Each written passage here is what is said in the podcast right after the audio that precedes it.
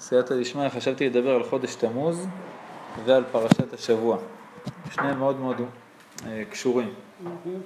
כתוב בספר היצירה שהאות של חודש תמוז זה האות ח'. על האות ח' אומר רבי עקיבא, אל תקרא ח' אלא ח'. מה השתנה? האותיות, מח', ח' י' ט', ח' י' ת', המילה, האות ח' הרגילה, אל תקרא ח' אלא ח', ח' ט' א', זאת אומרת חטאים, עוונות, פשעים. וזה האות של החודש. ברוכים הבאים. בחודש הזה נעשה חטא העגל, ואם מצרפים את האות ח' של תמוז לאות ט' של אב, יוצא גם חטא. שתמוז ואב ביחד זה חודשים מאוד מאוד לא פשוטים. הזוהר הקדוש כותב שבחודשים האלה יש שליטה לסטרא אחרא. דווקא תמוז ואב, בגלל שיעקב אבינו לקח לחלק שלו יעקב ועשו רבו על החודשים. יעקב אבינו לקח את החודשים הראשונים של השנה, ניסן, אייר, סיוון, ועשו לקח לחלק שלו תמוז, אב, אלול. ואחרי זה גם זה ממשיך החלוקה, בסדר? שלוש פה, שלוש פה, שלוש פה, שלוש פה. אבל יעקב אבינו אמר לו, אני לא מוכן שאלול יהיה אצלך, אלול זה זמן תשובה, זה הכפרת עוונות שלנו, זה חודש אלול, זה יהיה אצלך, לייסטר. תחשבו שאלול היה נראה כמו תמוז. לא. לא זה מה שהיה אמור להיות, מה שעשו רצה שיהיה. שלפני החגים, לפני יום כיפור, יהיה לך סוג של תמוז אב ועוד תמוז אחד, השם הערכים. אז אה, יעקב אבינו בתפילה ובהרבה הרבה מאבק, יעקב אבינו עם הרבה מאבק בעשו והרבה תפילה לקדוש ברוך הוא, לקח את אלול לחלקו. האמת שעל החודשים האלה כתוב באיכה עיני עיני יורד המים, שזה כנגד שני העיניים, שזה תיקון של העיניים בחודשים האלה, והוא לא סתם. אה, כתוב אה, שנשות ישראל צדקניות הן, כן? שבזכות נשות ישראל יבוא הגאולה. אמרתי כמה פעמים בבתי כנסת, בואי, ברוכה הבאה, שאחד הפירושים, נשות ישראל הצדקניות, זה שהן יודעות שכשאנשים שומרים את העיניים, מגיעה הגאולה. אז הם גורמים לבנים כמה שיותר להיאבק בשמירת העיניים ולהילחם להוריד את העיניים, וככה באמת מגיעה הגאולה יותר מהר. אז זה בחודשים האלה זה הכי בעייתי. שמירת העיניים וצניעות זה לא דברים שהם רק לבנים, זה דברים שהם גם לבנות. אצל בנות יש פחות יצר הרע, אבל האיסורים הם אותם איסורים, צריך להסתכל על דברים צנועים, אה, ולחשוב דברים צנועים, ולרצות דברים צנועים וכולי, זה דברים שהם אה, קשורים לכל עם ישראל. עיני עיני יורד המים זה תמוז ואב. שזה שתי עיניים שחרב בהם בתי, בתי המקדש חרבו בחודשים האלה, חטא העגל, חטא המרגלים, אנחנו נדבר על החודשים האלה. האמת שחודש אב הוא חצי ממותק, כי מט"ו אב, מט"ו באב, אז uh, החודש הוא בסדר, זה רק עד ט"ו באב יש בעיה. עד תשעה באב זה הכי קשה, שזה בין המצרים, אחרי תשעה באב עד ט"ו באב זה ימים ככה פרווה, ט"ו באב זה כבר ממותק לחלוטין, אז ככה שתמוז זה החודש הקשה. כולו, מההתחלה עד הסוף. אה, יש הרבה בעיות, יש הרבה בעיות, גם אה, בעם ישראל, גם אצל המקובלים, אצל הצדיקים, יש הרבה בעיות קשות. אה, אני היום שמעתי משהו מאוד מאוד קשה, בבוקר, יכולתי לנשום במשך כמה שעות. מקווה מאוד שזה לא, לא יתפרסם ולא יגיע לידי, לא יגיע לפועל ולא יקרה עם זה שום דבר בעזרת השם, אבל זה התחלה טובה לחודש תמוז. חודשים מאוד קשים. התחלה טובה לחודש הזה, זאת אומרת מתאימה, לא טובה. מושך בדרך. בקושי אתה יכול לנשום. כן, וצריך משהו מאוד קשה בשביל לגרום לי לא לנשום. מה? אז עכשיו אנחנו מבינים שזה משהו שלילי. זה משהו מאוד קשה, כן, משהו מאוד קשה. מאוד שלילי, מאוד קשה. אנחנו מקווים שזה יתמתק, שזה יהיה בסדר בעזרת השם. ואתה לא תספר לנו? גם אני לא אספר. אני לא אספר לכם. אני מקווה שלא תדעו לבד. אני רק אומר שצריך הרבה תפילות על עם ישראל. יש רמז. הרבה הרבה תפילות. יש רמז על מה? בית המקדש, על הצפון. לכל חודש. לכל, אז זהו, אני אומר את זה בשביל להתפלל, לא בשביל אה, להכניס אתכם למתח, בגלל שצריך הרבה הרבה תפילות על עם ישראל. כל הלילה, כי אני בן אדם מאוד רגיש, ואני שעתיים אולי ישנתי בלילה, אני סיפרתי לפאני, אני חזרתי משיעור כשהיה אה, לי מצב רוח מאוד מאוד טוב, כשחזרתי הביתה קרו המון דברים, שאני הרגשתי, ממש ישנתי שעתיים, ואני בן אדם שאוהב לישון, וקמתי בארבע בבוקר אחרי שישנתי משתיים עד ארבע והתפללתי עד שבע בבוקר, כי... כן, ממש ממש חזק, כי הרגשתי שיש אנרגיה וצריך לסלק אותה. ממש הרגשתי את זה בתוך העצמות. ראינו את זה עם הפיגועים והדברים שהיו לאחרונה לצערנו, בעזרת השם לא, לא תקום צער פעמיים, אבל זה חודש לא פשוט, גם ברוחניות וגם בגשמיות. גם המקובלים שיש להם רוח הקודש, אומרים לך בחודש הזה אל, אל תדבר איתי, יש מחיצת ברזל בשמיים, אל, אל תשאל אותי שאלות אפילו, חבל, בוא, רחבי כמעט רגע עד יעבור זעם. חודש לא, פזו, לא, לא פשוט בכלל. השם השם של החודש הזה, עוד מעט נגיע לחלקים היפים, בסדר? אז מי שנולד בחודש הזה? אז זה חודש של גאולה, אבל אנחנו נגיע לזה עוד מעט. יותר טוב, זה מינוס מינוס. בעל הבית פה נולד בחודש הזה, אני מבקש ממך. א' בתמוז, בעל הבית. לא, אני לא יודעת. א' בתמוז זה יוסף הצדיק. אה, יש לו עתיד. אולי יוסף, אבל צדיק, צדיק. אה, אנחנו נגיע בהמשך לחלקים היותר אופטימיים, אבל רק בשביל להבין למה אנחנו צריכים את האופטימיות בסוף. לכל חודש יש את הצירוף של שם השם של החודש הזה. כמו שראינו שניסן שהוא הראשון, אז זה י"ק ו"ק לפי הסדר. אחרי זה זה מתחיל להתבחבש. האותיות מתחילות לשנות את הסדר. צירוף הכוונה שמשנים את הסדר של האותיות בתוך שם השם, ויש 12 צירופים. כן, אה, יש ארבע אותיות, ארבע עצרת, ו-12 צירופים. הצירוף של חודש תמוז זה ה' ו' ואחרי זה ה' י'. זאת אומרת, הכל הפוך לגמרי, בדיוק מהסוף להתחלה. הסוף להתחלה זה דינים. תמיד כל דבר שהוא ברוורס זה דינים. זה דבר שמתרחש, שהוא יקרה, בדיוק הפוך מאיך שהיית רוצה שיקרה. זה תמוז. וולקאם. תמוז זה אותיות גם מות זין. שבעה מלכים, שבעה מלכים קדמאים שבקבלה מסופר עליהם, שכל שבירת הכלים, כל השורש של הרע בעולם, כל השורש של האסתר בעולם התחיל משבירת הכלים, שאת זה אנחנו עובדים לתקן. רפ"ח ניצוצים, כל המצוות, תורה, מעשים טובים שאנחנו מנסים לעשות, זה לתקן את השבירה הזאת. השבירה הזאת רשומה באותיות של תמוז. המרגלים נשלחו בערב ראש חודש תמוז, וכל החודש ועוד עשרה ימים עד תשעה באב, הם תרו את הארץ והסתכלו על ארץ ישראל בעין לא יפה. זה התיקון של החודש הזה, אחד התיקונים זה עין טובה, שזה לתקן את העין הרע שהמרגלים הסתכלו על הארץ הזאת במשך כל החודש כולו, ועוד קצת מחודשים אחרים, אבל חודש תמוז כולו היה רע. מבחינת המרגלים. אחד מהמדריכי טיולים, הרב ישראל פסח קוראים לו, מספר באביהם של ישראל, שהוא שאל את הרב אליהו, הוא הגיע אליו, זכר צדיק קדוש לברכה, הגיע אליו קבוצה של מטיילים מחוץ לארץ, והם רוצים לטייל, ולקנות מזכרות, ולבקר בארץ ישראל מכל המקומות, וזה לא זמן של טיול וקניית מזכרות, לא קונים דברים חדשים בבין המצרים.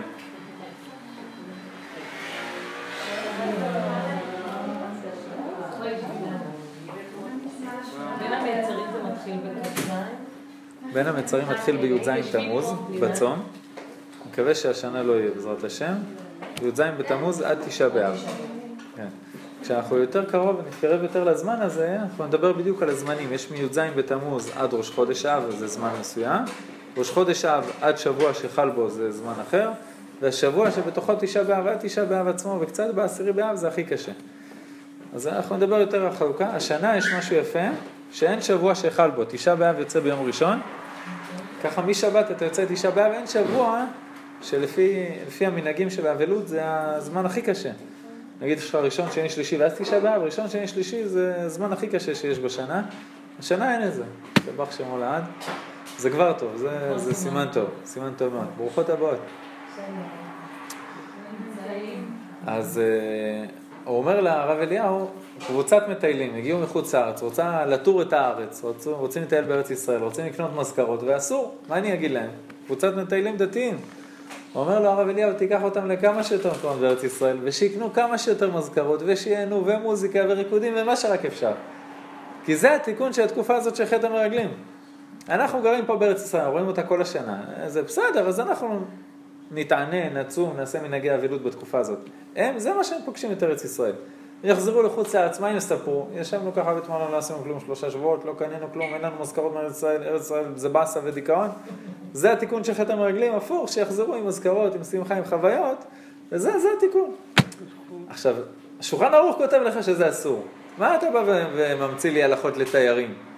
זה הרעיון של, של להבין מאיפה ההלכה מגיעה. זה, זה, זה ראש של פוסק, זה ראש של הרב אליהו. זה, ההלכה היא פה כאילו נועדה לתיקון מסוים. האנשים האלה, ההלכה, ההלכה, בשבילם זה בדיוק הפוך. בסדר? אנחנו לא יכולים לעשות את זה בהלכות שבת. אתה צריך לברור בשבת, זה תיקון של הנשמה שלך. אין, דבר כזה. אבל זה מנהגים של אבלות על ארץ ישראל, בחורבן זה ישתנה, זה לא, הלכות שבת לא ישתנו אף פעם. אז זה דבר שהוא על פי טעם, פוסק גדול יכול להגיד לך, פה הטעם אצלך זה הפוך, תשנה את זה. אבל זה דוגמה לחודש הזה, שעוד משהו שאנחנו צריכים לתקן בו, שזה, שזה חטא המרגלים. לפני כל תיקון יש שבירה. זה כלל שאנחנו מכירים בעולם. בן אדם מסתובב בבית חולים, פתאום ישמע צרחות מאיזה חדר, וצעקות, בלאגן, מבחינתו זה גרוע. האישה שם הולכת למות. הוא לא יודע שזה חדר לידה, ועכשיו יוצא חיים חדשים לעולם, והכל בסדר, וכולם מוחאים כפיים ושמחים. רק הוא לא יודע. לפני כל תיקון יש שבירה. לפני התיקון של חודש אלול, שאמרנו שזה זמנים של תשובה, של כפרה, הקדוש ברוך הוא מוחק לעם ישראל את כל החובות, מתחיל איתם דף חדש. לפני זה אתה צריך שבירה. אף פעם אתה לא תבנה בניין גדול, לפני שאתה סותר את הבניין הקטן, שובר אותו לחלוטין, חופר עוד יותר עמוק בשביל לבנות יסודות יותר רציניים, ורק אז יכול להיות פה תהליך של בניין. זה נשמע הגיוני כשזה באתר בנייה מול הבית שלי, מול הבית שלך, אבל אה, זה לא נשמע לי הגיוני כשאני קם בבוקר והקדוש ברוך הוא החליט לי שעכשיו יש לי תקופה של שבירה ושל סתירה ושל חפירה ויסודות ובנייה ופועלים ערבים. פתאום זה, זה גרוע. למה? מה קרה? כשזה הבית שלך שאתה בונה אותו זה בסדר. כשזה בניין רוחני זה גם בסדר. רק זה תקופות שאנחנו לא אוהבים. תקופות של שיפוצים זה לא תקופות שהן כיפיות. אבל זה תקופות שהן נצרכות. מהתקופות האלה מגיע, מגיע הגאולה. מהתקופות האלה אתה נבנה הרבה הרבה יותר טוב. כמו שאנחנו עזבנו את קרני שומרון כשהייתי ילד, שהתחילו לבנות את היסודות לכל הפנימיות של הישיבה. זה היה חמש וחצי, שש בבוקר, התחילו החפירות האלה, טק טק טק טק, במשך חצי שנה, שאימא שלי יצאה מדעתה. מה אנחנו עוברים פה? אני עוד גרתי בחדרים האלה, אחרי כשהייתי גדול ובאתי לישיבה. אבל היסודות זה יסודות, זו תקופה מעצבנת. אז זה, זה תמוז אב, זה התקופה של היסודות שהסטרא אחרא שולטת, שולטת, שיש שבירה, שיש בעיות, שזה תקופות שהן לא פשוטות, אבל צריך להתייחס אליהן ככה, שזה בשורשים האלה נמצא השורשים של התיקון, של אלול, של המחיקה של כל העבירות, ש, שהקדוש ברוך הוא לוקח עם השעיר לעזאזל את כל העבירות של עם ישראל ועושה גזור הדבק, שולח את כולם לסטרא אחרא. זה מדהים. הזוהר הקדוש כותב שאם ה... היצר הרע, מלאך המוות, היה יודע מה עם ישראל זורק לו בשעיר לעזאזל, היה עושה הכל שהדבר הזה לא יקרה. כי אם מעמיס עליו, מתוודה, הכהן הגדול מתוודה את כל עוונותיהם של עם ישראל, וזורק אותו ליצר הרע, היצר הרע שעיר, שעיר לעזאזל, שעירים ירקדו שם, זה החיה שהוא הכי אוהב אותה. הוא ישר קופץ עליה, ובשנייה הזאת הוא מקבל את כל ה... בחשבון למעלה, כל העבירות של עם ישראל עוברים אליו לחשבון. מה זה החשבון שלו? זה אומות העולם. החשבון בנק שלו זה השפע של כל אומות העולם. הוא השר של כל השבעים אומות. במלאך המוות, יצרה, סמ"ם, אותו אחד. זאת אומרת, כל העבירות של עם ישראל עוברים לאומות העולם, ואומות העולם צריכים לקבל על זה עונש. מישהו צריך לקבל עונש על העוונות האלה, לא? חוטפים את כל מה שכרוך בעוונות האלה, ועם ישראל יוצאים יום כיפור, היצרה משתגע. אומר הזוהר הקדוש, מה אנחנו עושים? הולכים להתחבות בסוכה. עשי לה דמיינות, הקדוש ברוך הוא, שבוע עד שהוא יירגע, ואז יכולים לצאת מהסוכה. מדהים, זה תהליך שאתה חייב שיקרה כל שנה. אם לא, אתה לא יכול להתחיל את השנה אחרי זה. אז התהליך מתחיל עכשיו. התהליך מתחיל עכשיו בתמוז, בשבירה, בסתירה, ביסודות, בשביל להגיע לתיקון של אלול המחיקה, בשביל להגיע לשמחה וששון של סוכות. עכשיו מתחילים את התהליך הזה, ברמות הקצת לא פשוטות האלה, אבל, אבל זה התחלה טובה. תמוז זה בגימטריה גינת, ואגוז זה בגימטריה חטא, כן? תמוז וחטא זה חטא העגל שאמרנו שיש בתמוז, והפסוק כותב אל גינת אגוז ירדתי, לראות באיבי הנחל, לראות הפרחה הגפן, הנצו הרימונים. אומרים חז"ל, הקדוש ברוך הוא יורד אל גינת אגוז, לראות הפרחה הגפן. הקדוש ברוך הוא יורד אל תמוז ואב, אל החודשים של החטא, אל החודשים של חטא העגל, של המרגלים, של חורבן, של צער, בין המצרים, לראות הפרחה הגפן הנצו הרימונים, להסתכל על עם ישראל ולראות את ההתאמצות שלהם אנחנו יודעים שהרימונים זה פושעי ישראל. אפילו פושעי ישראל מלאים מצוות כרימון. פרחה גפן, הנצו הרימונים, לראות שמתוך הבעיות, לראות את הזכויות של עם ישראל, איך שהם כבר עכשיו מתחילים להתכונן לזמנים של תשובה. הוא גם נהנה מהשיעור. יש אישור. זה השאלה או, או אישור? אישור. שלא יתחיל להתווכח עם השני. כתוב שתמוז זה זמני תשובה ממשמשים ובאים. זאת אומרת, זה ממש ההכנה שהקדוש ברוך הוא מסתכל עליה, ואז החטא והטית, אומרים המקובלים, שזה במקום חטא, זה נהפך לחטא, שזה החוכמה, טית שזה טוב, שהחוכמה ממתקת את כל הדינים, כן, החוכמה תחיה בעליה, על ידי החוכמה ממתקים את כל הכעסים. בן אדם כועס ורב ומשתולל ואתה מדבר איתו בחוכמה, אתה יכול למתק אותו ולהסביר לו שזה לטובה והכל בסדר ולהגיע לפיוס והכל. אז זה חודשים שאפשר למתק איתם את הדינים ולהתחיל את השנה כמו שצריך. פרשת השבוע כותבת התורה, זאת חוקת התורה, אשר ציווה השם לאמור דבר לבני ישראל ויקחו אליך פרה אדומה תמימה, אשר אין בה אשר לא עלה עליה עול. אנחנו יודעים ששלמה המלך ניסה להבין את, אה, את הפרה האדומה ולא הצליח, אמרתי החכמה והיא רחוקה ממני. רק משה רבנו ידע. משה רבנו קיבל את הסוד הזה, ואיך הוא קיבל את הסוד הזה? לא על ידי חוכמה, על ידי אמונה, על ידי ביטול. משה, אה, שלמה המלך ניסה על ידי חוכמה, על ידי חוכמה אתה לא תצליח, כי זה משהו שהוא הרבה הרבה מעבר. אומר המדרש על הפרשה, זאת חוקת, זה שאמר הכתוב מי ייתן טהור מטמא, לא אחד. איוב, פרק י"ד, פסוק ד', אומר מי ייתן טהור מטמא, מי יכול להוציא את הטהרה הכי גדולה בעולם מהטומאה הכי גדולה בעולם. שזה לענייננו, מי יכול להציא את חודש אלול, חודש תשרי, מחיקה של כל העוונות, מי יכול להפוך את תמוז ואב לחודשים של גאולה? לא אחד, רק הקדוש ברוך הוא, כאילו סימן שאלה, לא אחד, רק השם יכול לעשות את זה. י"ז בתמוז היה חטא העגל. מה היה אמור להיות במקום חטא העגל? חתונה של הקדוש ברוך הוא ועם ישראל. זאת אומרת, זה היה אמור להיות החודש הכי טוב בעולם. שעם ישראל, הקדוש ברוך הוא, התורה, והכל מתאחדים ומתחתנים. ואז עם ישראל עשו את חטא העגל, אז התאריך הזה נשבר ונהיה רע. אבל החודש הזה בפוטנציאל הוא דבש, הוא מעולה. חודש תמוז וחודש אב עתידים להפך ששון ושמחה. אמרנו שנה שעברה שהאדמו"ר מרוז'ין, אם אני לא טועה, אמר שי"ז בתמוז הולך להיות החג ראשון של הגאולה, תשעה באב חג שני ובאמצע חול המועד, שלושה שבועות במקום בין המצרים, חול המועד של הגאולה, רק נשמח, נרקוד ושמחה וששון. אמן, אמן. מהפה שלך לקדוש ברוך הוא, אבל ברחמים בעזרת השם. ואני לא זוכר מי האדמו"ר שחלק עליו, אמר אני לא מוכן. אני רוצה שתשעה באב יהיה חג ראשון, וי"ז בתמוז יהיה חג שני. ושכל השנה באמצע, חוץ מהשלושה שבועות האלה, יהיה חול המועד. נחגוג שנה שלמה חוץ משלושה שבועות. אמר, אני, יותר נראה לי. זה בעזרת השם, בעזרת השם שנזכר. יש להבין שמתוך הזמנים האלה אמורה לבוא הגאולה הכי הכי גדולה. איפה שיש את הפוטנציאל של הגאולה הכי גדול, שם זה גם הפוטנציאל של הרשע הכי גדול. ולהפך, רבי עקיבא לא היה עם הארץ סטנדרטי, רבי עקיבא אמר, תן לי תלמיד חכם ואני אנשכנו כחמור, אני, אני אשבור לו את העצמות. והוא נהיה הרב הראשי של כל עם ישראל לדורות, הרב של רבי שמעון בר יוחאי ורבי מאיר בעל הנס והכל, דרכו עברה כל התורה שבעל פה, משה רבנו לא הבין את השיעורים שלו. זה במקום שיש הכי הכי קושי, זה המקום של הכי גאולה. הרמח"ל כותב, במקום שאתה רואה הכי הרבה חושך, שם הקדוש ברוך הוא מכין את אורו של משיח. כשהקדוש ברוך הוא עובר לפרוז'קטורים של גאולה, אתה מסתנוור, אתה רואה חושך. העיניים שלך לא מסוגלות להכיל את זה. זה המצב של י"ז בתמוז בין המצרים והחודשים האלה. אז מי שאמרה שיש יום הולדת בחודשים האלה, בסדר, אפשר להירגע, זה זמני, זה חוש- חושך זמני. אחרי זה זה יהיה יום הולדת של, של גאולה ו, ושמחה גדולה. עכשיו המדרש נותן דוגמאות, כגון אברהם מטרח. מעניין שזה פסוק באיוב, האריזה כותב שאיוב היה גלגול של תרח. כי אברהם אבינו החזיר את תרח בתשובה, ואז הוא צריך לחזור לפה לתקן את כל מה שהוא עשה. הוא חזר בתור איוב, ומה שהוא חטף מסכן, תיקן הכל. אז תרח היה הרשע הכי גדול יותר מנמרוד בתקופה של אברהם, אבל בתור איוב הוא תיקן הכל. אומר המדרש, כגון אברהם מתרח. אומר שאר הגלגולים, בשבירה של המלכים קדמאים, שבירת הכלים שדיברנו עליה קודם, ירדו ניצוצות מאוד קדושים לטומאה, לקליפות. ועשית רעה אחר חי מהניצוצות האלה.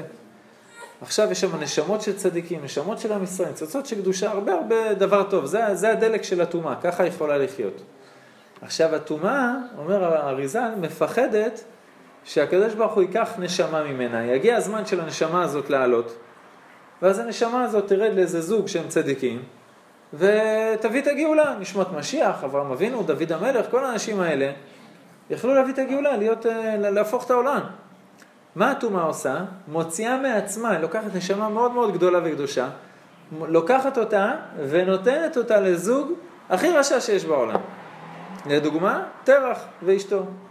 תרח ואשתו, אמתלי בת קרנבו, הזוהר הקדוש, ככה קראו לה. הוא אמר לאשתו, אנחנו ביחד רק שאת נדע, שלא יהיה סיכוי שיצא לנו בן טוב. רוצה רק בנים רשעים שיעבדו בחנות של עבודה זרה, לעשות כמה שיותר רע בעולם.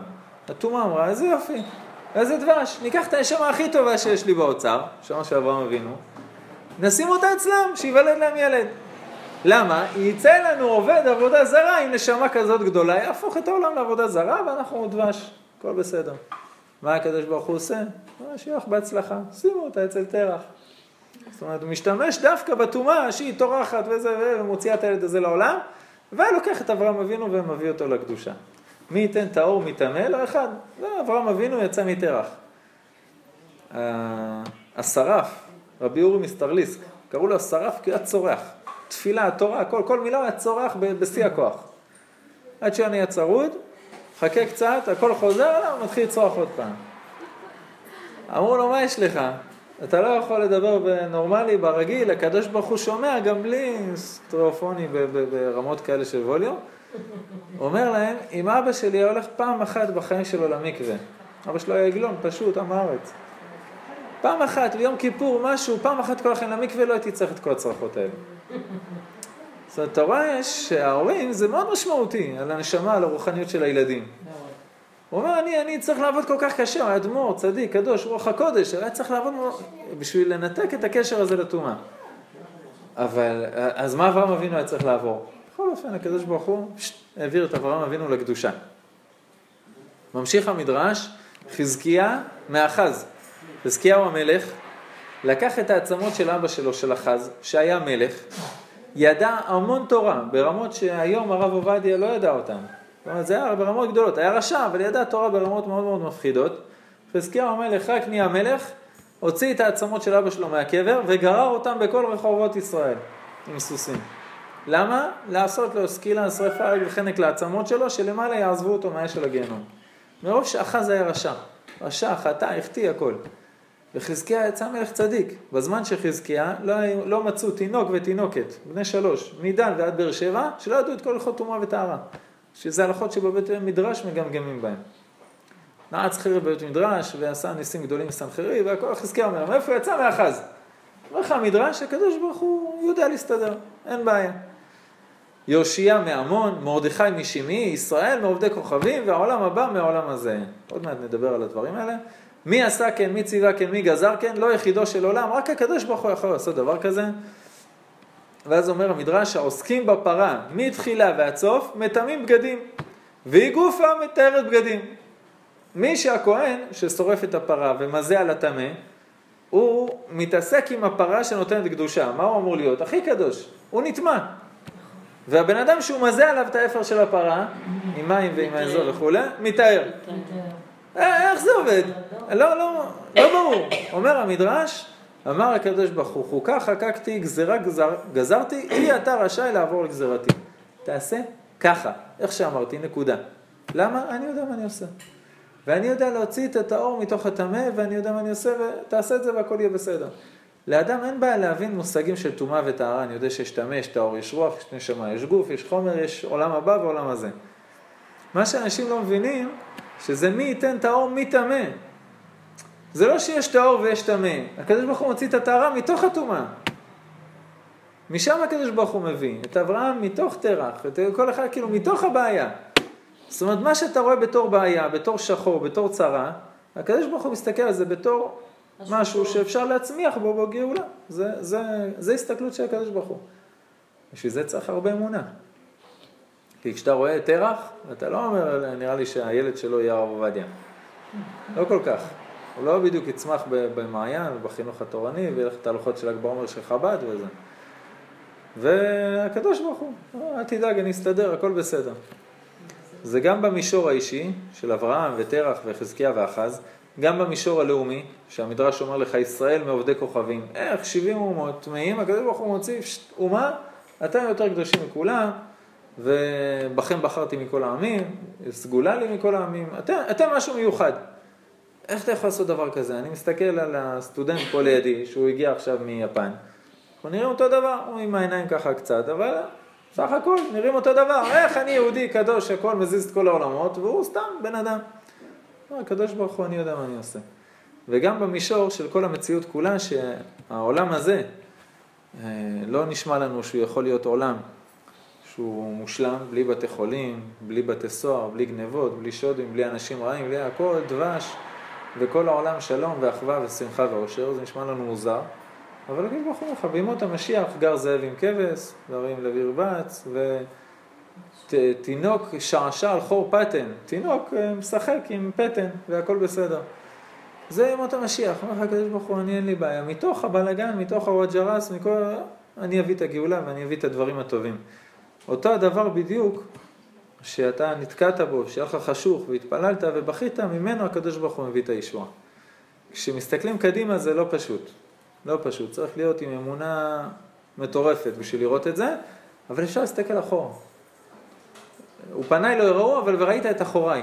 אתה מסתכל אחורה, המצבים שיכול כשיר לך בחיים, אתה תראה, ואני יכול לחתום על זה, אתה תראה שמתוך המצבים האלה אתה צמחת והחיים שלך נהיו יותר טובים. מתוך השבירה ומתוך החושך. אתם, יש לכם רקורד הרבה הרבה יותר ממני, אבל אפילו אני הספקתי לראות את זה. הרב עובדיה, זכר צדיק קדוש לברכה, מספר שלפני 80 שנה שני אחים לבית שטראוס, שני עשירים עשירים שגרו באמריקה, ותרמו הרבה לעם ישראל וכולי. אחד מהם נתן שטראוס, שתרם את הכסף של נתניה, שזה על שמו, העיר הזאת קרויה על שמו, ובאיזשהו שלב, הראשים של היישוב הישן בירושלים, לא העיר המתחדשת, החליטו לבנות בית חולים, ביקור חולים בזמנם. פנו לשני האחים האלה, אם הם יכולים לתרום בית חולים. זה המון כסף, אבל לא חסר להם, ברוך השם. לא יודע אם ירגישו את זה במאזן השנתי. פנו אליהם, נתן הזה אמר שהוא מסכים, השני אמר לו, לא, אני לא, לא מוכן לתרום לזה. עיר על שמו, סבבה. בית חולים בירושלים, לא, לא נשמע לי, לא רוצה. הוא אומר לו, טוב, אני תורם לבד. הם היו שותפים בעסקים, הוא אומר, מהכסף האישי שלי, נתן שטראוס, הוא אומר, אני תורם את הבית חולים. באמת, שלח להם את הכסף, ואחרי אה, שנה וחצי בערך, קראו לו לטקס חנוכת בית של הבית חולים. אח שלו אמר לו, אני אבוא איתך לראות מה, מה השקעת. נבוא לבקר, על הדרך אני גם אסע לנתניה להסתכל, אבל... היו בחנוכת הבית של ביקור, של ביקור חולים, בית חולים, כל האגפים, חדרים, הכל. גוזרים את הסרט של, של המדרגות, צלמים ושמחה וכולולולו. נתן יורד במדרגות, נופל, שובר את הרגל. לאן לוקחים אותו? בית חולים? חזרה לבית חולים, שמים לו גבס.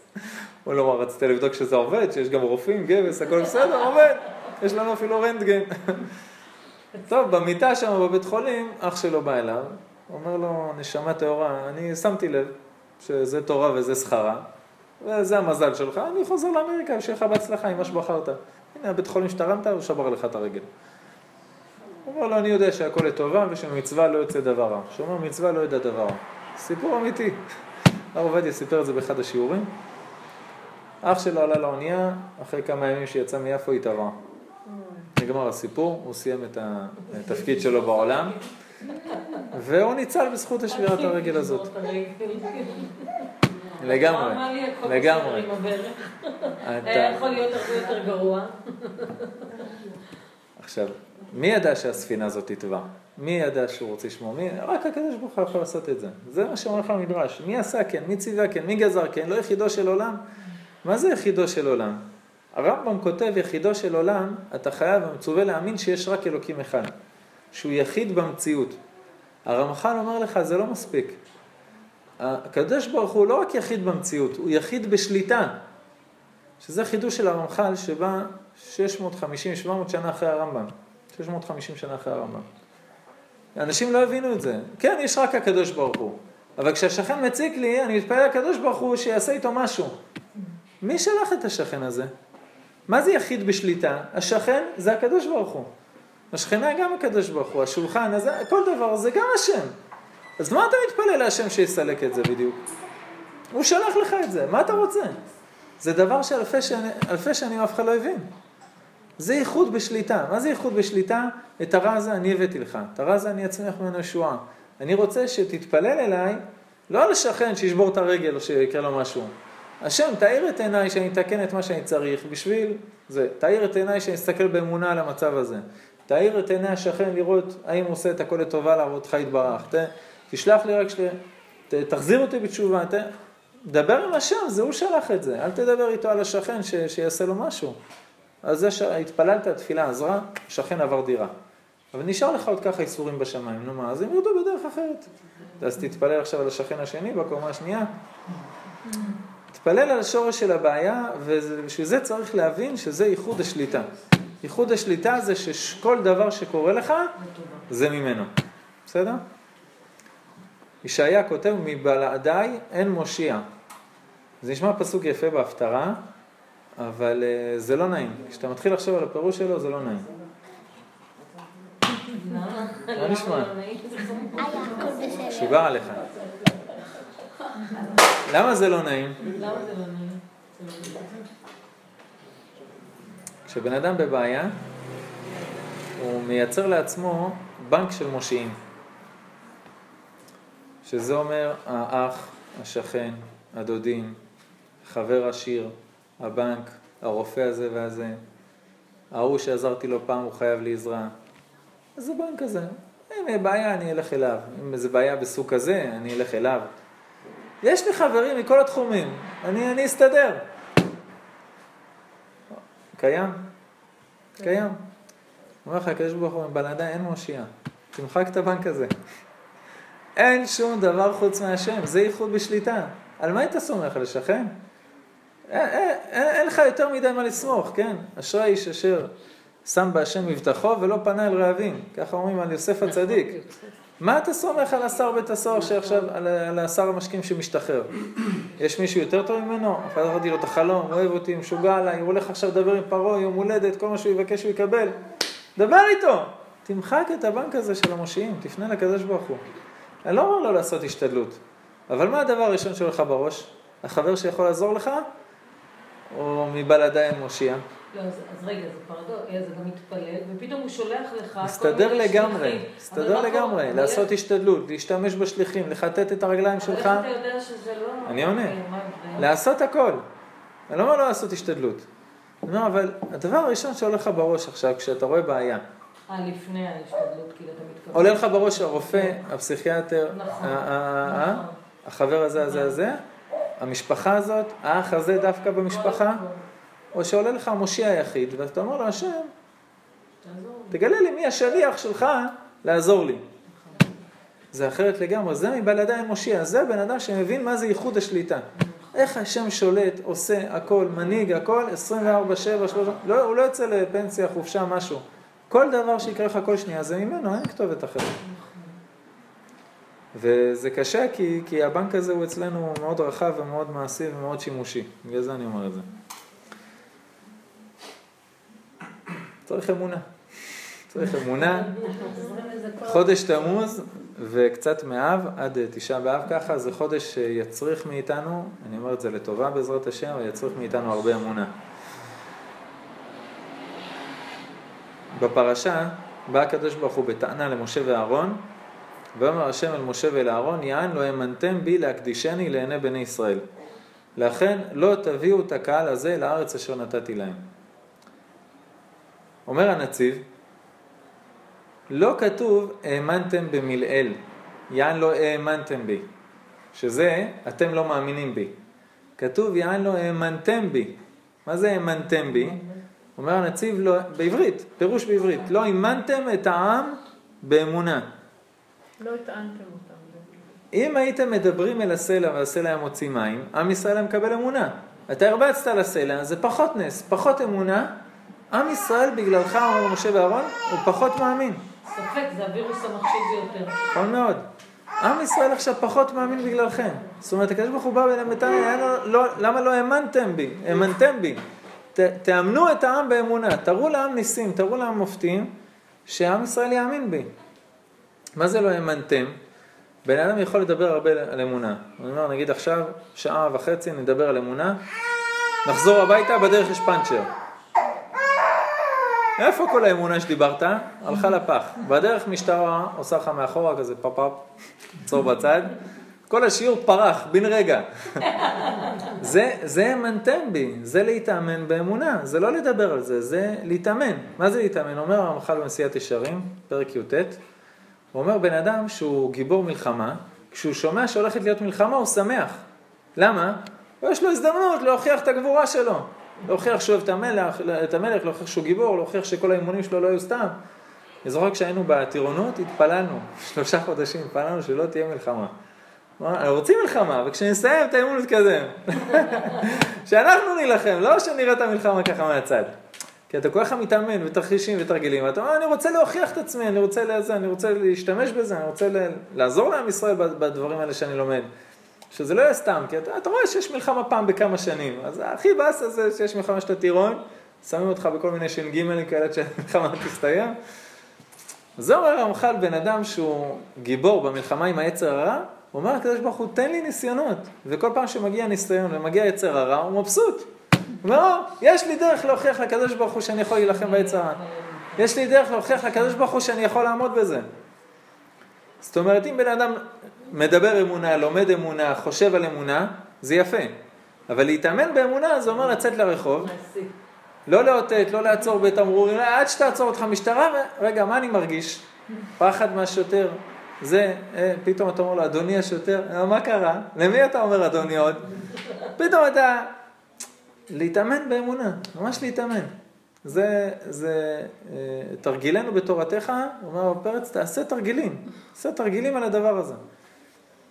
אז אני לא הולך עכשיו לנסוע כמו מטורף בכל אה, מודיעין עם פלאפון ביד ובלי לאותת, בלי לעצור שום עצור, ובמיוחד לעשות חרקות ליד התחנת משטרה, אבל, אבל, כשמגיע ניסיון של אמונה, ברוך הבא. הנה הקדוש ברוך הוא, תודה רבה.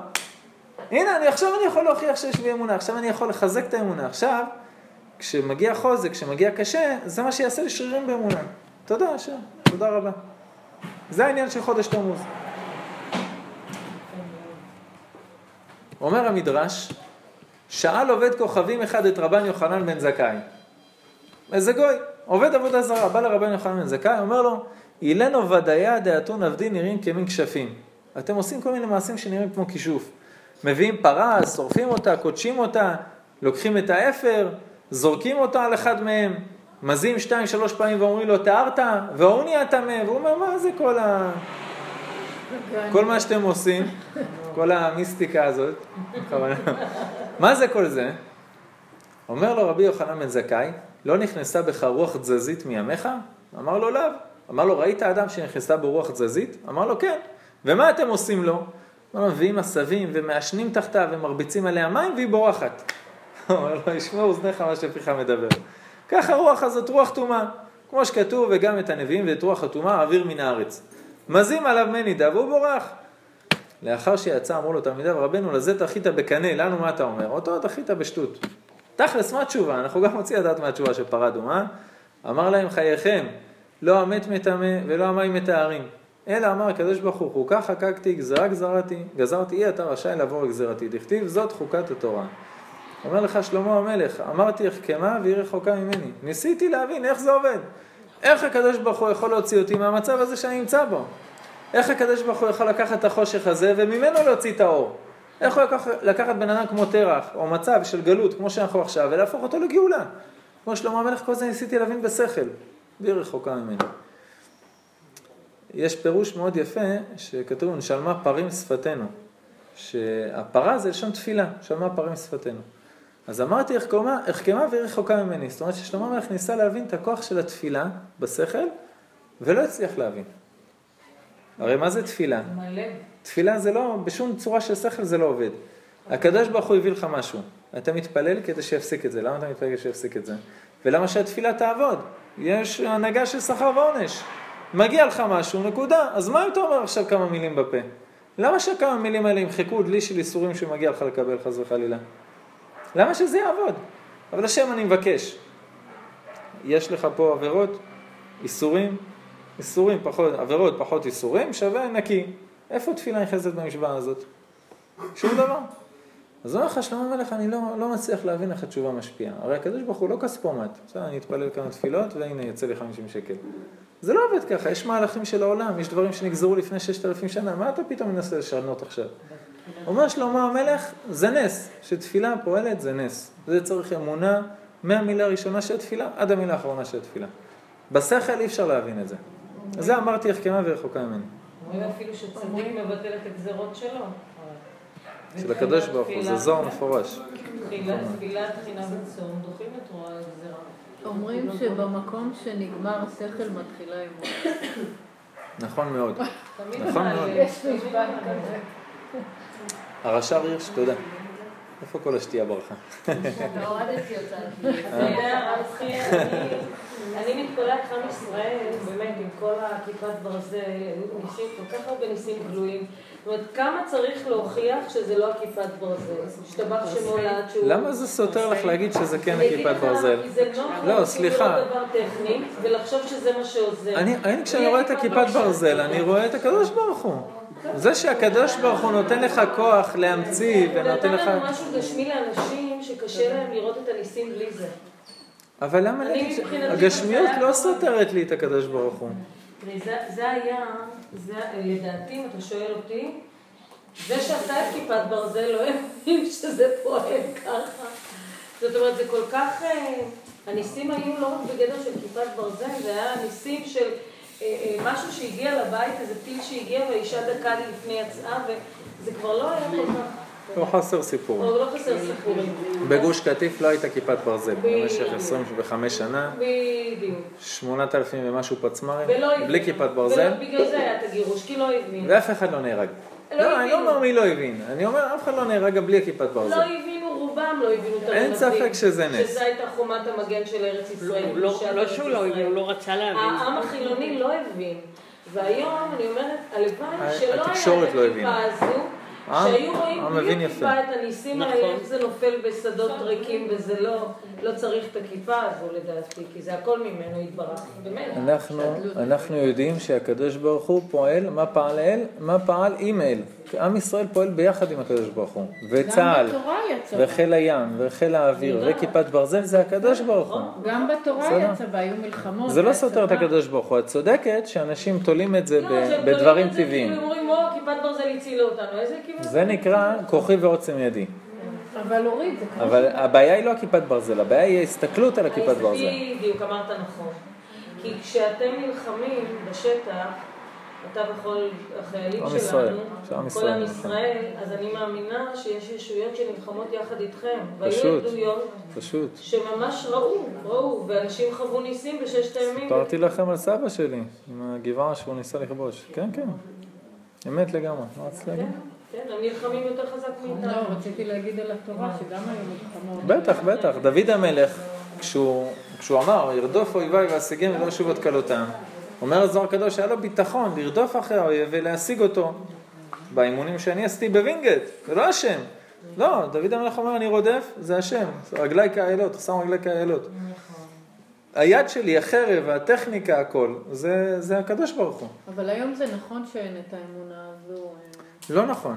לא נכון, עם ישראל מאמין מאוד גדול. אנשים נורא מאמינים. בתקשורת אגיד לך לא רואים את זה. בתקשורת לא רואים את זה. עם ישראל מאמין. שבעקבות זה ששמו את הכיפת ברזל, יש לנו את הנס הזה, זה לא... זה תקשורת, זה התקשורת, זה לא עם ישראל.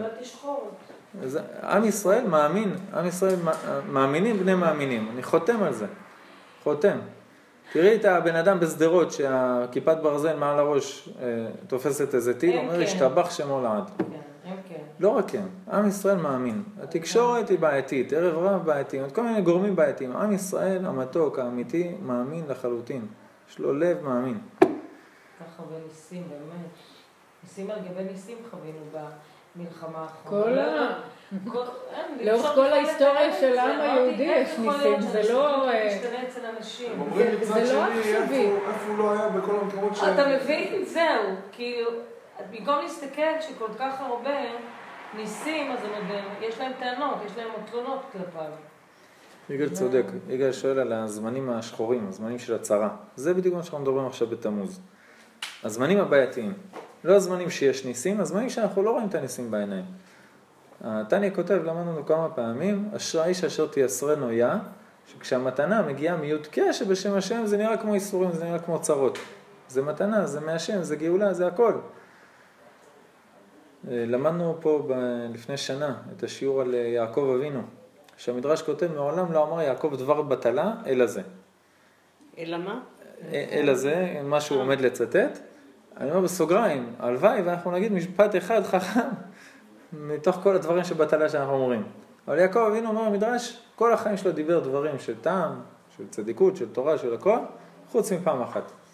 מה הוא אמר? למה הריאותם לי? מתי הוא אומר את זה? אחרי שיוסף הצדיק, הבן שלו, נעלם, חי הרעה חלטו וכולי. בסדר? מה הוא אומר? למה הריאותם לי? הוא אומר, הקדוש ברוך הוא, אני דואג שאתה תרד למצרים בשרשראות של זהב. ולהמליך את הבן שלך במצרים. ולהוציא מיהודה ותמר את נשמת משיח עם כל הסיפור שהיה שם. ואתה אומר למה, הריאותם לי?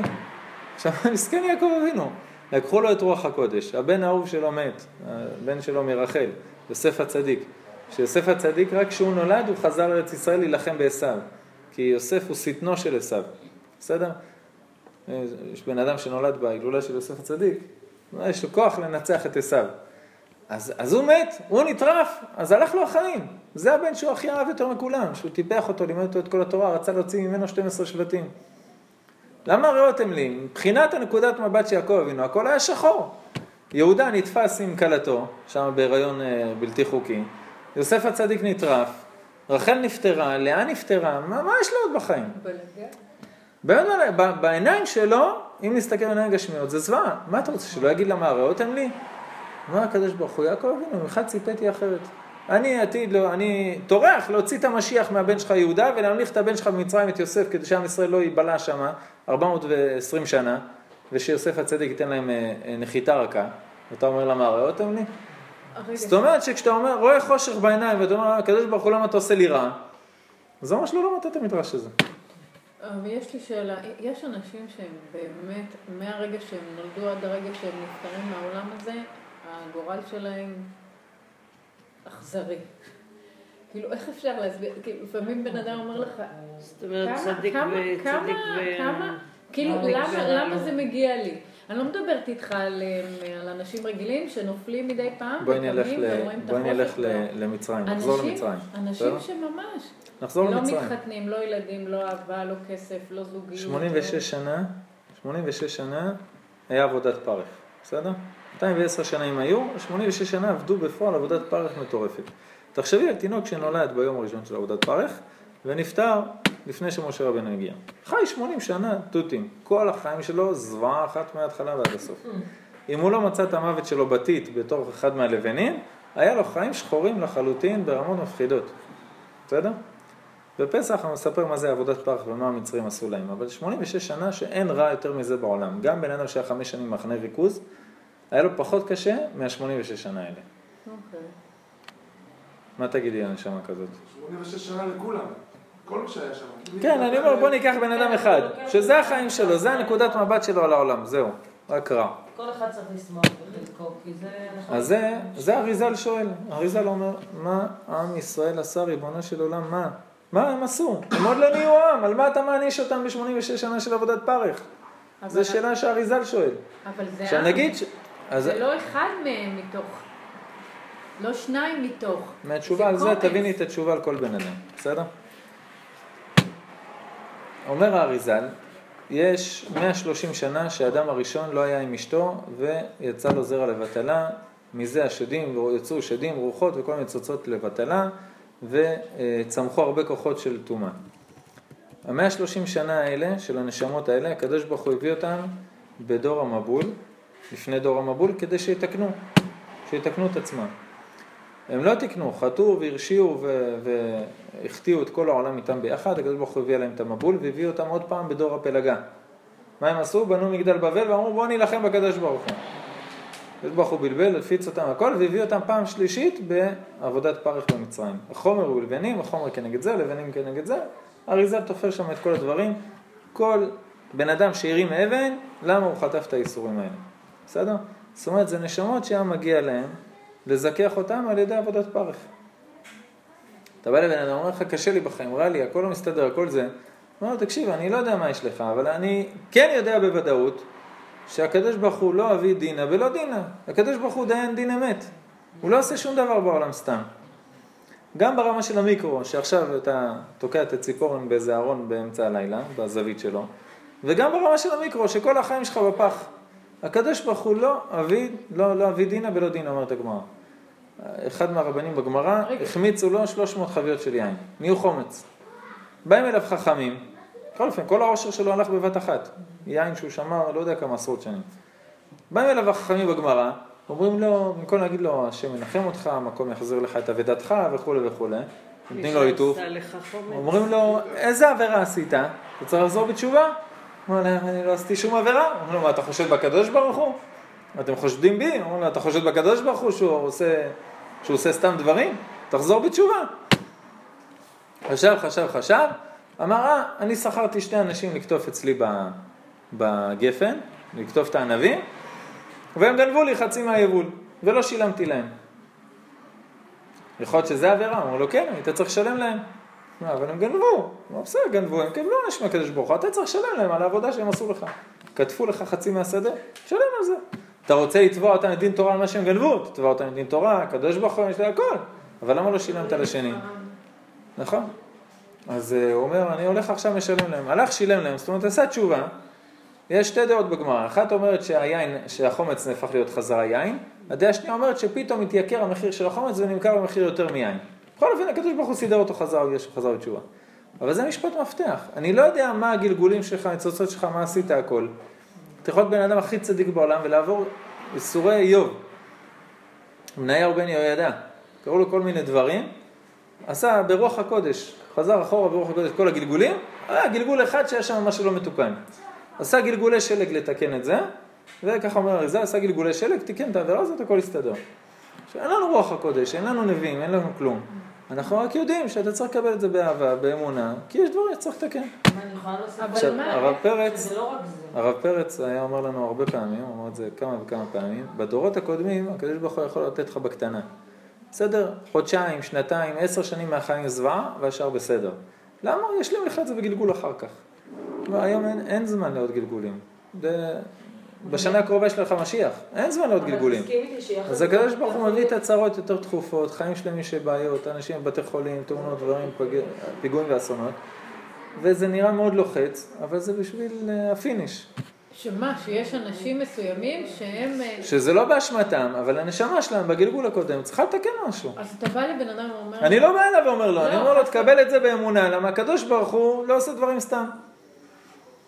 אבל דבר... אבל הוא גם לא זה יודע על מה לחזור? בתשובה. נכון, הוא לא נכון. יודע מה לעשות. השאלה אם בכל נכון מאוד. שלך אתה עושה את ההתבוננות הזאת, אם אתה, אתה לא יכול להגיע להכרה. אתה, עושה. התבוננות לא. בקטנה בחיים שלך. אני לא יכול לעשות התבוננות על הגלגולים הקודמים. לא, ברור. עשיתי. התבוננות, שוב- בתשובה, אני מתקדם בעבודת השם כמה שאני יכול, ועדיין מגיעים לאיסורים. אז בדרך כלל זה יהיה איסורים, איסורים על דברים שעברת בעבר. בזמן של הגאולה, לרוב האנשים יש גם הקדוש ברוך הוא מצרף להם איסורים בשביל להביא את המשיח. אבל או זה או זה, זה לטובה. כאילו, קבל את זה באמונה, זהו. אני חושבת שבאיזשהו מקום הרי לא. יביאו לנו את כל התיקונים בגלגול אחד. אתה לא יכול להכיל את הכל ביחד. פעם זה היה נכון. אבל, רגע, אבל, אבל ככל שהרמה של הנשמה שלך עולה, המבחנים הרבה יותר מורכבים. הרי הקדוש ברוך הוא לא ייתן לרמת נשמה גבוהה מבחנים של כיתה א', הוא ייתן לו מבחנים קצת יותר מורכבים. לכן אומרים צדיק ורע לו, רשע וטוב לו, בהסתכלות שלנו, רוב הצדיקים שאני מכירה, זה אנשים שעברו ייסורים בחיים שלהם, משום שהם היו צריכים להיות גם דוגמה למה שהם עברו, לאתגרים שהם עברו. אז בדרך כלל אנשים שמגיעים לרמה רוחנית גבוהה לא מלקקים דבש.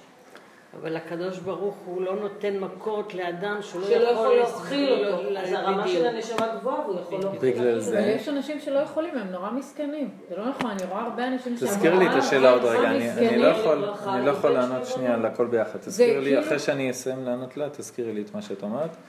בגלל זה המבחנים הם באמונה. כי באמונה יכול להיות מרוקאית, אני סתם לוקח דוגמה, מרוקאית באיזה פינה בדימונה, שיש לה אמונה יותר מכל הצדיקים בארץ ישראל. בסדר? אז זה, את לא יכולה להגיד, אה, רק הצדיקים הגדולים יחטפו צרות גדולות. אבל אני לא אמרתי לא, שהיא נשמה כל- קטנה, היא יכולה להיות נשמה יותר גדולה מהצדיקים הגדולים שאתה מכונה אותם. יפה אנחנו מאוד, לא יפה מאוד. יפה מאוד, אז אנחנו חוזרים אליה. יכול את רואה בן אדם, את רואה בן אדם שהקדוש ברוך הוא מעמיס עליו, הוא גם מעמיס עליו אמונה בפוטנציאל, שאם הבן אדם הזה, וזו תשובה לך, אם הבן אדם ילמד תורה, ילמד אמונה, יתחבר לקדוש ברוך הוא וילמד את התהליכים שהוא עובר, הוא יכול לקבל את כל זה באמונה ולשמוח אפילו במה שקורה לו. היה צדיקים שרקדו כשקרה להם דברים מאוד מאוד קשים. אם הוא לא לומד תורה, לא שומר מצוות ולא מדבר על אמונה, שלא יבוא בטענות לקדוש ברוך הוא למה נתת לי בעיות. בסדר? תלמד, תבין. אבל אם הוא ילמד, הוא יבין, יהיה לו את הכוח לעמוד בדברים האלה ואפילו לשמוח. אבל זה צריך לימוד. לא יכול להיות שאנחנו בפיזיקה, במתמטיקה, באנגלית, ברפואה, בהכל, יודעים פי מיליון ממה שהיינו בכיתה א'. באמונה, בתורה, במצוות, נשארנו עם מה שהגננת אמרה. זה לא עובד.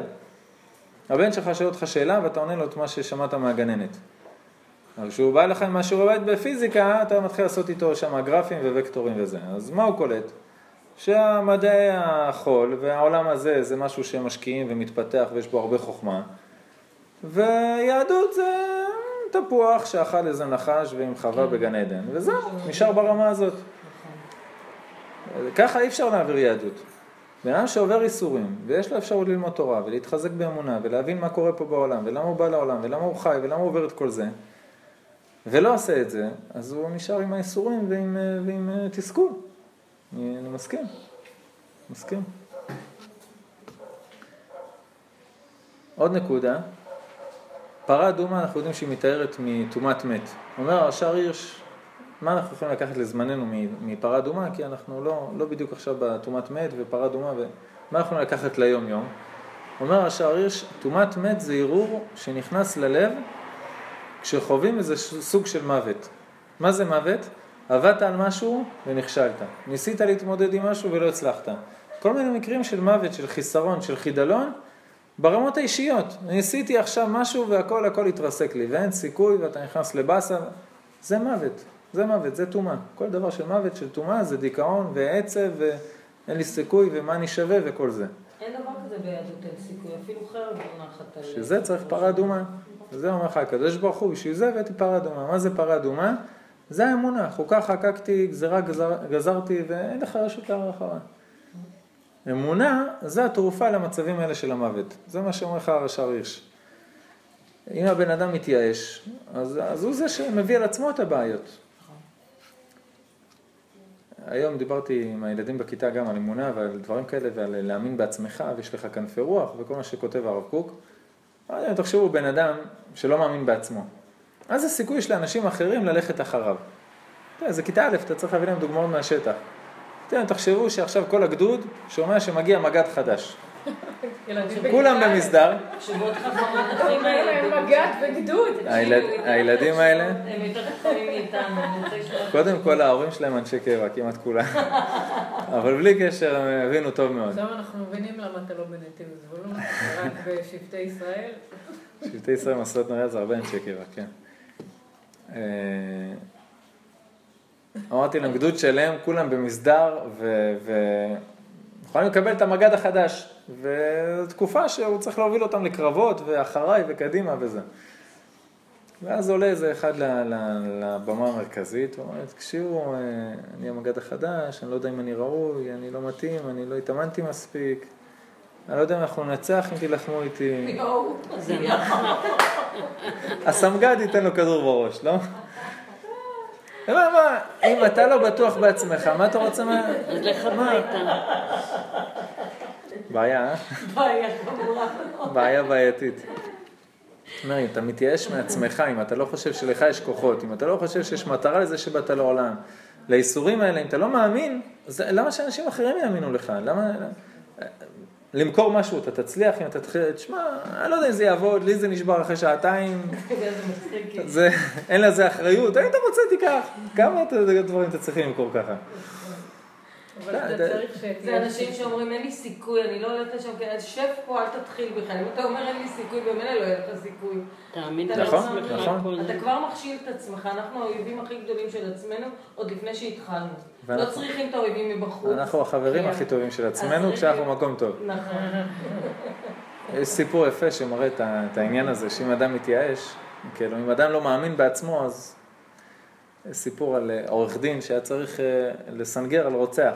עכשיו, גם הוא וגם הרוצח ידעו שהוא הרוצח, אבל הוא משלם לו הרבה כסף, ש- שיוציא אותו זכאי במשפט. אז העורך דין נעמד, ואומר כבוד השופט, מרשי שיושב פה הוא לא הרוצח, ואני אוכיח לך ולמושבעים שהוא לא הרוצח. כולם בהלם, מה ההוכחה שתביא לנו? סך הכל יש כמעט סרטון של, של הרוצח. הוא אומר, עוד עשר שניות, אני אספור עד עשר, ייכנס פה בדלת הזאת הרוצח האמיתי. והוא אומר, אחד, שתיים, שלוש, וכולם במתח, מסתכלים על הדלת, שמונה, תשע, עשר. השופטים, המושבעים, כל ה... כולם מסתכלים על הדלת, איפה הוא נכנס? מסתכלים חזרה לעורך דין, רואים אותו מחייך. אומר להם, למה הסתכלתם על הדלת? זה אומר שאתם לא מאמינים שהוא הרוצח, אתם באמת אה, לא סגורים על זה. השופטים יוצאים להתייעצות, חוזרים, פוסקים שהוא הרוצח. הוא אומר, אבל מה, אני הוכחתי לכם. כל השופטים, אנחנו בהתייעצות, לקחנו את המצלמות, האבטחה, וראינו שמרשך לא הסתכל על הדלת. הוא יודע שהוא רוצה. אם אתה, לא מאמין, אז מה, מה אתה רוצה מאיתנו? אומר האור החיים הקדוש, עומק הדברים הוא, עם ההכאה בסלע, שאם היו משה ואהרון עושים קידוש השם גדול באמצעות שהייתה העדה כולה שלמה, וצדיקים, והיו מחליטים אמונת השם בליבם שלמה, היה מתגרש מהם חלק הרע, והיה בהם כוח להעמיד אמונה לדורי דורות.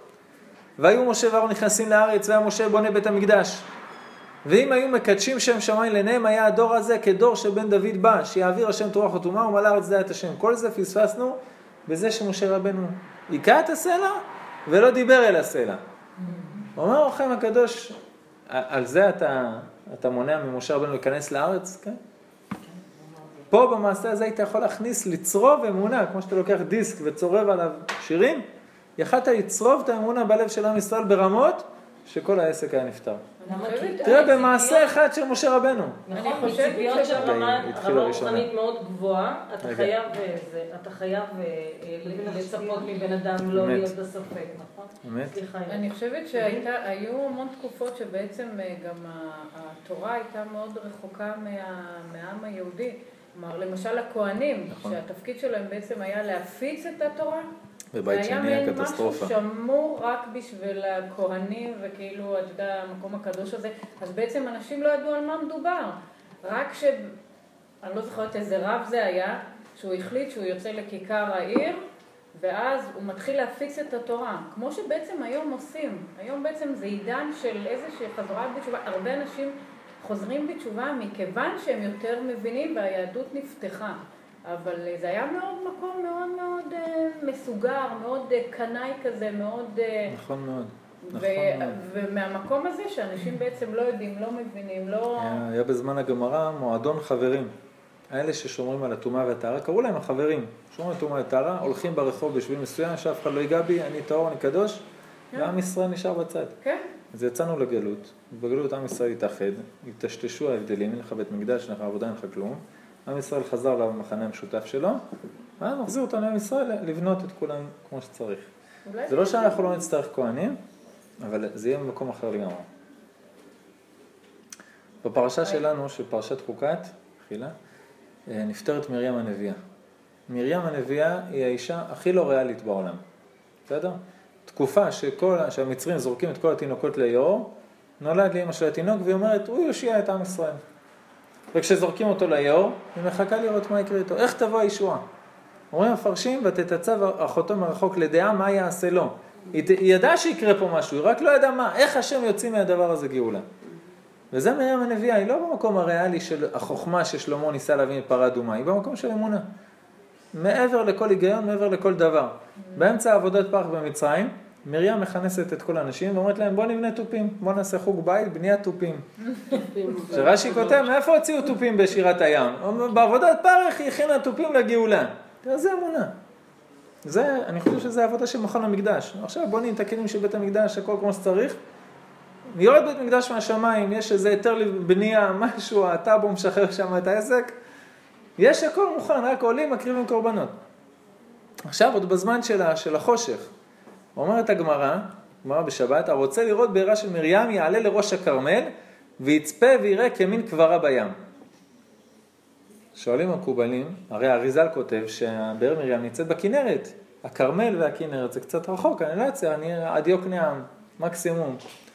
לא, לא אצליח לראות את הכנרת. מה, מה יש לי לעשות בכרמל? למה הגמרא כותבת בכרמל? גם המדרשים אומרים שזה בכנרת. אומר הרב קוק, באר מרים בכנרת.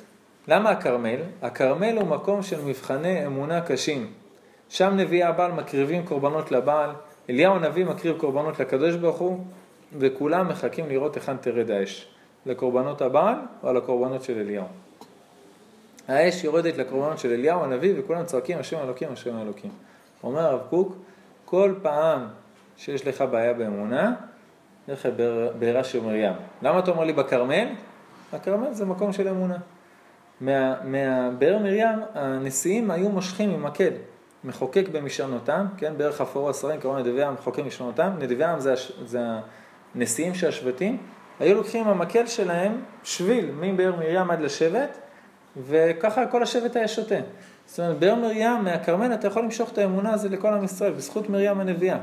וזה, שילחו אותה לכרמל, יעלה לכרמל, שזה המקום של אמונה, שזה היה שייך למרים הנביאה.